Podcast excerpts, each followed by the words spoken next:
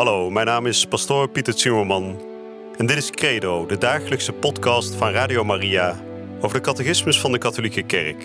Samen dringen we elke dag een beetje dieper door in het prachtige plan van liefde dat God met elk van ons heeft.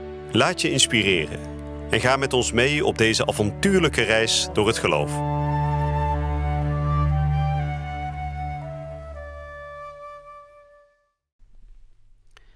Vrienden, van harte welkom terug bij Credo, de dagelijkse podcast waarin we beetje bij beetje langzaam door de catechismus heen aan het werken zijn. Niet altijd de makkelijke opgave. Ik uh, kan me voorstellen dat u soms wel een keer zucht als u denkt: het is wel veel hè, en het zijn ook wel moeilijke thema's vaak. Maar als we stug doorzetten, dan zullen we zien dat uiteindelijk dit ons heel veel vruchten zal brengen. Het is namelijk zo dat juist het feit dat we zo systematisch, beetje bij beetje, alles, hè, de hele geloofsleer van onze kerk, onder de loep nemen, ervoor zorgt dat we uiteindelijk wel een heel degelijk en diep geworteld geloof krijgen. Hè, dus het is een behoorlijke investering, maar het is wel een investering die erg de moeite waard is en waar u een heel leven lang profijt van zult houden. Nou, we gaan vandaag weer wat meer spreken over de Heilige Geest. We hebben daar de afgelopen dagen ook over gesproken. En we gaan vandaag wat meer inzoomen op de rol van de Heilige Geest in de kerk. We weten, wij leven in de tijd van de kerk. Dat wil zeggen, Jezus Christus is naar de aarde gekomen, heeft zijn kerk gesticht, heeft zijn kerk de Heilige Geest geschonken op het feest van Pinksteren. En die kerk die blijft tot op de dag van vandaag geïnspireerd door die Heilige Geest. En misschien is dat soms moeilijk te geloven natuurlijk, omdat de kerk ook een, een, menselijke component heeft. En helaas zien we in de geschiedenis van de kerk dat die menselijke kant van de kerk ook voor heel veel kwaad heeft gezorgd natuurlijk. Hè? De leden van de kerk zijn helaas niet altijd allemaal even heilig. Hè? En daarin moeten we ook voorzichtig zijn om te veel oordelen uit te spreken, want zelf zijn we ook zondaars. Hè? Dat zijn we allemaal. Maar dat neemt allemaal niet weg dat de kerk in de kern wel degelijk wordt geleid door God en wel degelijk wordt gedragen door de Heilige Geest. En dat moeten we nooit uit het oog verliezen, want als we alleen maar naar de menselijke kant van de kerk kijken, naar de zondige kant van de kerk, dan vergeten we dat de kerk een bovennatuurlijk instrument is van Gods genade. De kerk is in de kern goddelijk en heilig. En hoe dat precies zit, daar gaan we vandaag nog wat meer over spreken. En ik wil vandaag een mooi gebed bidden, een oud gebed van onze kerk, dat heel speciaal is gericht op de vrijheid van onze kerk. Onze kerk die staat natuurlijk vaak onder druk, wordt in onze tijd ook door veel mensen niet helemaal begrepen hè, wat dat uh, überhaupt nog toevoegt. Er wordt er vaak gesproken over het instituut kerk, waar mensen niks meer mee hebben. Nou, ik ga nu een gebed bidden wat eigenlijk um, de andere kant belicht, wat juist bidt dat die kerk tot bloei mag komen en ook in vrijheid mag bestaan in deze wereld.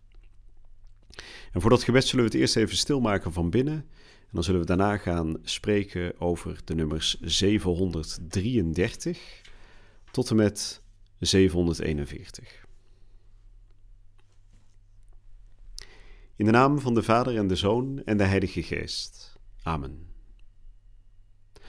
God onze toevlucht en onze kracht Zie genadig neer op het volk dat tot u smeekt. En verhoor barmhartig en goedgunstig de gebeden, die wij storten voor de bekering van de zondaars, voor de vrijheid en de verheffing van onze moeder, de Heilige Kerk. Dat vraag u op voorspraak van Maria, de glorierijke en onbevlekte maagd en moeder van God, van de heilige Jozef haar bruidegom, van uw heilige apostelen Petrus en Paulus en van alle heiligen door dezelfde Christus onze Heer. Amen. En ik lees voor vanaf nummer 733. De Heilige Geest, gave van God. God is liefde. En de liefde is de eerste gave. Zij omvat alle andere. Deze liefde heeft God in ons hart uitgestort door de Heilige Geest die ons werd geschonken. Omdat wij gestorven, of minstens gewond zijn door de zonde, is de eerste uitwerking van de gave van de liefde de vergeving van onze zonde. Dat is de gemeenschap van de Heilige Geest, die in de kerk aan de gedoopte de goddelijke gelijkenis teruggeeft die door de zonde verloren was gegaan. God schenkt dan de waarborg of de eerstelingen van onze erfenis. Het leven zelf van de heilige drie-eenheid, dat bestaat uit liefhebben, zoals Hij ons heeft liefgehad. Deze liefde is de oorsprong van het nieuwe leven in Christus, dat mogelijk geworden is, aangezien wij kracht ontvangen hebben van de Heilige Geest.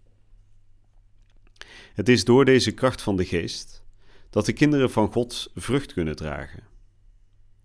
Hij die ons op de ware wijnstok geënt heeft, zal ons de vrucht van de Geest, die liefde, vreugde, vrede, geduld, vriendelijkheid, goedheid, trouw, zachtheid en ingetogenheid is, doen dragen. De Geest is ons leven. Hoe meer wij onszelf verloochenen, des te meer zullen wij leven door de Geest.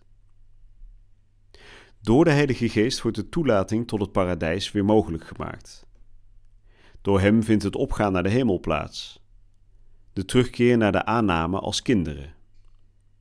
Door Hem bestaat wederom de vrijmoedigheid Gods Vader te noemen.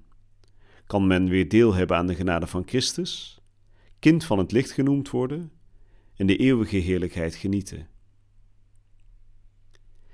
De Heilige Geest en de Kerk.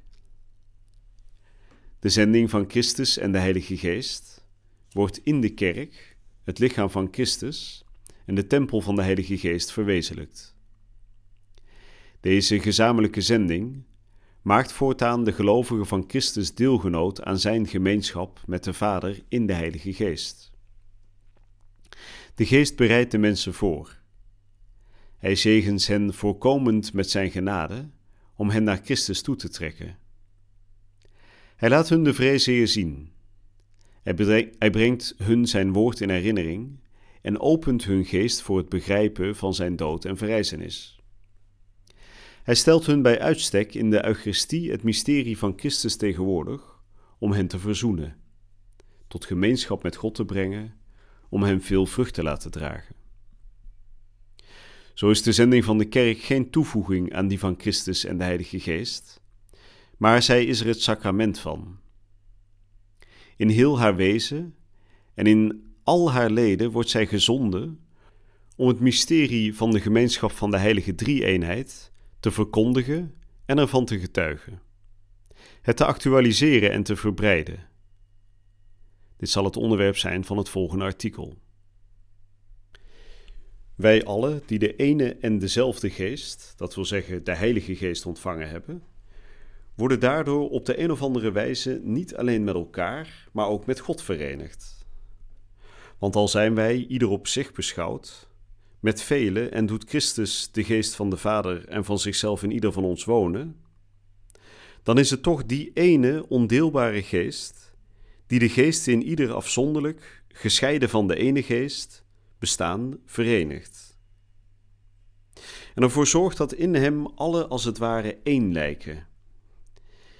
Evenals immers de macht van het heilig lichaam van Christus, degene in wie hij is, tot één lichaam maakt, zo brengt, naar mijn mening, ook de ene geest van God, die in alle onverdeeld woont, alle tot eenheid van geest. Aangezien de Heilige Geest de zalving van Christus is, is het Christus het hoofd van het lichaam, die hem verspreidt in zijn ledematen, om deze te voeden, te genezen, te ordenen in hun onderling functioneren, te bezielen, uit te zenden als getuige, deelgenoot te maken aan zijn offer aan de Vader en zijn voorspraak voor de hele wereld. Het is door de sacramenten van de kerk dat Christus zijn heilige en heiligende geest meedeelt aan de ledematen van zijn lichaam. En dit zal het onderwerp zijn van het tweede deel van de catechismus. Deze wonderen van God, aangeboden aan de gelovigen in de sacramenten van de kerk, dragen hun vruchten in het nieuwe leven in Christus. Overeenkomstig de geest, en dit zal het onderwerp zijn van het derde deel van de catechismus. De geest komt onze zwakheid te hulp, want wij weten niet eens hoe wij behoren te bidden. Maar de geest zelf pleit voor ons met onuitsprekelijke verzuchtingen. De Heilige Geest, die Gods werken tot stand brengt, is de meester van het gebed. En dit zal het onderwerp zijn van het vierde deel van de catechismus. Nou, dat waren de nummers 733 tot en met 741. Nou, kort samengevat, er wordt gesproken over het grote belang van de Heilige Geest, hoe Hij eenheid schept in Zijn kerk. Je zou kunnen zeggen, samengevat, dat de Heilige Geest de levende hartslag is van onze kerk. Op het moment dat de Heilige Geest afwezig zou zijn, dan is de kerk een dood geraamte. Maar op het moment dat God zijn Heilige Geest zendt, dan wordt dat lichaam van Christus, de kerk, een levend lichaam. En er worden enkele voorbeelden genoemd hoe dat dan werkt. Hè. Op het moment dat we bijvoorbeeld naar de Heilige Mis kijken, naar de Eucharistie, dan is de Heilige Geest degene die voor onze ogen tot leven wekt datgene wat daar gebeurt. Op het moment dat de Heilige Geest daar niet aanwezig zou zijn, zouden we onmogelijk in staat zijn te begrijpen wat daar gebeurt. dus de Heilige Geest is degene die ons alles leert, die laat zien dat die sacramenten levende tekenen zijn van Gods aanwezigheid in ons midden. En de Heilige Geest is ook degene die bijvoorbeeld de woorden van de Bijbel tot leven brengt. Als wij de Bijbel lezen zonder dat de Heilige Geest in ons werkzaam is, dan lezen we alleen maar dode letters. Maar op het moment dat de Heilige Geest in ons werkt, dan worden die dode letters omgevormd tot het levende woord van God. Dus de Heilige Geest is de levenmaker, degene die heilig is, maar ook heiligt. Zoals we net in de catechismus hebben gehoord, de heiligende geest, degene die ons omvormt, ons heiligt om uiteindelijk een steeds mooier en zuiverder lidmaat van de kerk te worden. Nou, tot zover uh, het deel over de Heilige Geest. We gaan er bij de volgende uitzending uh, een korte samenvatting van geven. U weet, het uh, einde van een, een blok uit de catechismus eindigt steeds met in het kort. Dus we gaan alles in de volgende uitzending nog even herhalen. En dan gaan we daarna door naar artikel 9 van de geloofsbeleidenis. En voor nu wens ik u een hele goede en gezegende dag toe. Je luisterde naar Credo de dagelijkse podcast van Radio Maria over de catechismus van de Katholieke Kerk. Credo is iedere werkdag te beluisteren op Radio Maria. Maar je kunt de afleveringen ook in je eigen tempo terugluisteren op onze website, in de app of op Spotify en de andere platforms. Via de website radiomaria.nl vind je dagelijks de link om de bijbehorende teksten uit de catechismus mee of terug te lezen. We zijn erg dankbaar voor alle giften die wij mogen ontvangen. Daardoor kunnen we ons goede werk blijven doen. Draag je ook bij aan deze missie?